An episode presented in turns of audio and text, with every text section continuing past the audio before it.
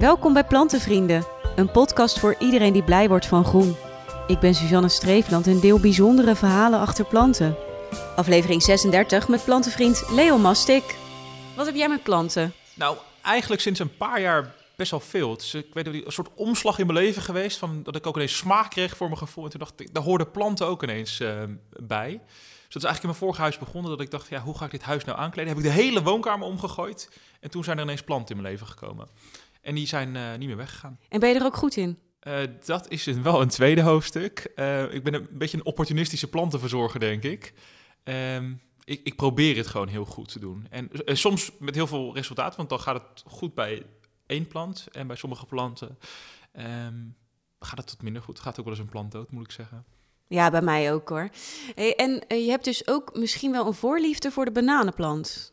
Ja, um, die, die kwam ik een keer ergens tegen. En dat vond ik zo'n mooie plant. Hij stond daar zo ja, heel statig, zeg maar. Het is bijna een soort, ja, een soort standbeeld of zo. Of een soort, soort buste. En ja, toen hebben we eentje gekocht ook. En dat is gelukkig een van de planten die, die het bij mij wel heel goed doet. En ik begrijp altijd van andere mensen dat dat een hele moeilijke plant is. Uh, omdat het echt uh, uitdagend is om hem zo vier overeind te houden. Maar dat lukt. En nou, die staat nu denk ik een jaar of ja, anderhalf. Staat hij echt heel mooi bij mij in een soort serre. Echt op een voetstuk ook. Hij heeft een apart tafeltje, een mooie pot. En hij staat naar zo'n mooie fluwelen stoel. En ik vind dat zelf ook zo mooi van die, van die bananenplant. Is dat dat blad is heel groot ook. En dan ja, dan, ik, ik besprenkelen met water dan. En dan ja, het is net ook fluweel. Dat vind ik het mooie eraan. Ja, inderdaad. En misschien is het ook wel goed dat hij in de serre staat. Want ik heb begrepen dat hij vooral eigenlijk ook licht van bovenaf nodig heeft. Om hem goed te houden. Ja, ja ik, ik, hij is wel, ik heb wel gewoon een dicht plafond. Dus het is niet helemaal dat hij van boven licht krijgt. Maar het is wel echt ja, dat hij ja, in de serre natuurlijk van, van drie kanten eigenlijk licht krijgt. Dus dat het misschien het geheim is. En wat ik dus altijd doe dat heb ik ergens gehoord. Doe ik best wel veel planten. Is dat je eigenlijk met zo'n soort spuitje. dat je hem gewoon eigenlijk besprenkelt ook met water. Ja, sprayen. Echt, uh, ja, sprayen in uh, goed Nederlands.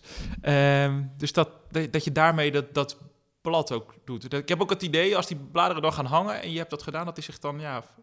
Alsof hij fris gedoucht is, zeg maar. En heeft hij al uh, pups? Nee, hij heeft nog geen pups. Dat vind ik bij die. Ik vind het heel spannend om er, om er aan te gaan zitten.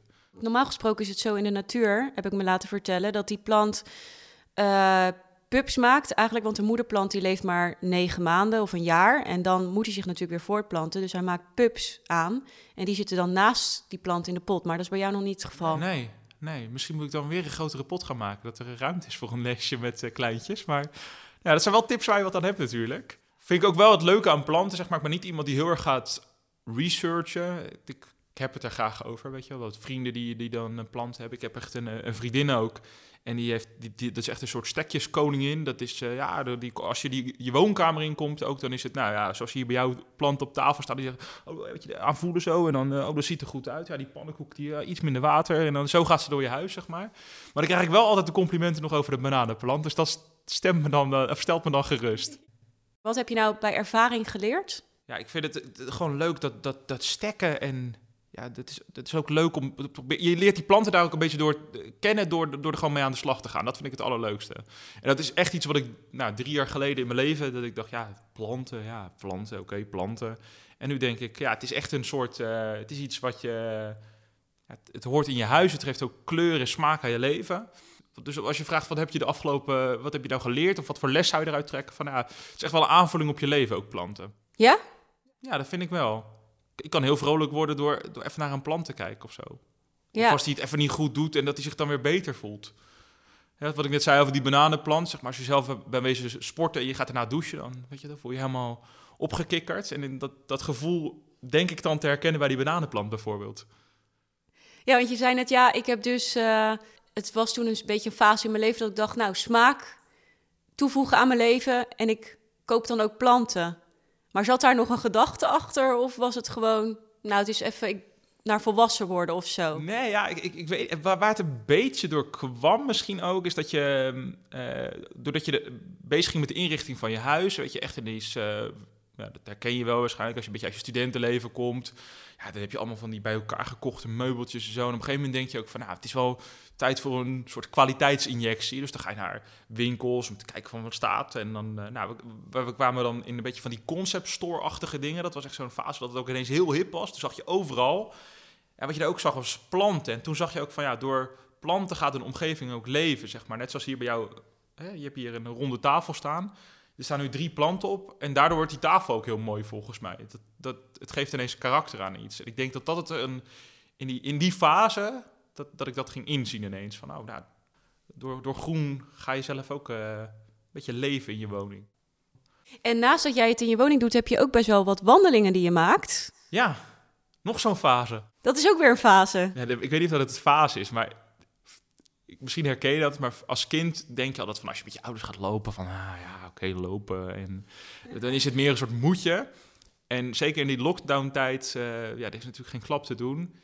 En uh, ik heb ooit voor, uh, voor de radio een programma gemaakt over de schoonheid van Nederland. Van hoe ziet Nederland eruit als je daar op vakantie gaat?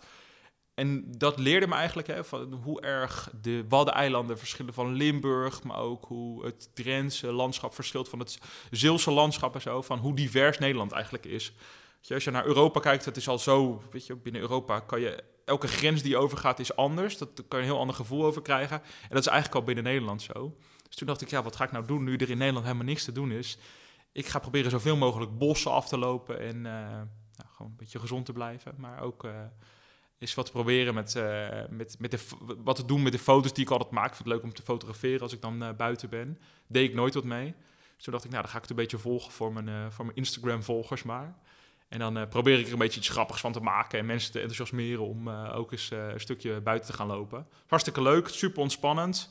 En nou ja, dat groen wat je dan in je woonkamer waardeert, dat is daar natuurlijk echt ruim voorradig. ja, ja, ja, ja, ja.